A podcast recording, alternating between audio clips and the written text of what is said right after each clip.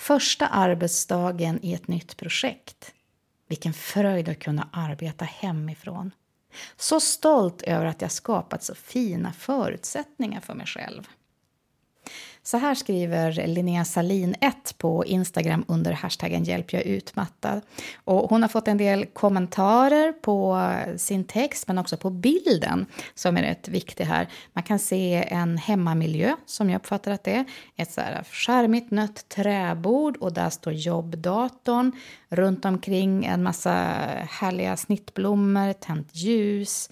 Eh, runt omkring är det en eh, ja, men sån här mysig träpanel och så då fluffiga kuddar som jag gissar att hon kan luta ryggen mot om hon vill.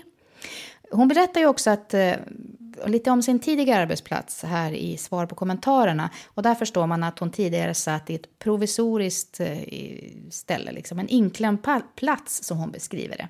I ett rum på under 10 kvadrat med tre kollegor varav en receptionist som svarar i telefon hela tiden. Därtill ständiga ljud från larmsignaler från patientsalar. Ja, man förstår ju här att eh, Linnea har jobbat inom vården på något sätt och gör det nu fortfarande fast att kunna byta miljö. Och det här är ju en klassiker att eh, när man ska jobba med mycket störande ljud runt omkring, det finns ju nästan ingenting som är så utmattande. Jag känner igen det själv. Ja, relationer tyckte i och för sig jag var ännu värre. Men eh, ja, men jag blir glad när jag ser den här. För jag kommer också ihåg känslan av hur skönt det var när man själv hade nästan gett upp hoppet om sig själv och sen kunde liksom hitta en miljö eller få hjälp med en miljö där det faktiskt funkade och man kunde bli friskare. Nu blir det lite klickningar här på datorn för mig för jag ska leta mig vidare till en annan som jag också vill läsa för er. Här! Hallelujamorsorna.se och det här är en eh, kvinna i Allingsås som skriver. Idag, första gången på snart ett år som jag bär min prästskjorta. Kändes ovant hemtamt och härlig. Så tacksam. Och så berättar hon om sin arbetsplats. Som låter mig stappla fram för att någonstans hitta vad som är min väg framåt. Tack. Men Erika, vad tänker du om det här då? Ja, men den här känner jag ju också igen. Som, jag blir glad när jag ser den.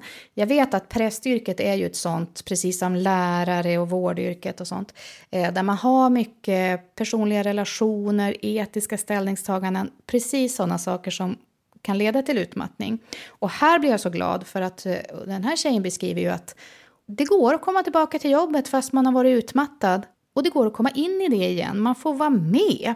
Jag blir så glad för det, för att jag vet att det är väl kanske den vanligaste oron när man själv var utmattad. Jag har läst massa sådana kommentarer och också hört det från många. Att eh, hur ska det gå? Jag kommer ju inte kunna komma tillbaka. Hur ska jag någonsin kunna försörja min familj igen? Precis sådana tankar hade jag också. Men det är ju så att när man väl har fått det att börja vända så kan man få sån otrolig energi av det. Det betyder inte att man blir som förr, men bara man får en gnista som man kan hänga upp framtiden på så kan det hända så otroligt mycket positiva och läkande saker. Så ja, jag ville bara berätta om den här för den gjorde mig så glad när jag läste den. Och det finns många såna här fler berättelser under hashtag hjälp jag utmattad. Dela din berättelse om utmattning under hashtaggen hjälp jag är utmattad. Och sen hörs vi ju imorgon, tisdag den 4 september, då ett helt nytt vanligt avsnitt om en underbar podd är tillbaka. Vi hörs då!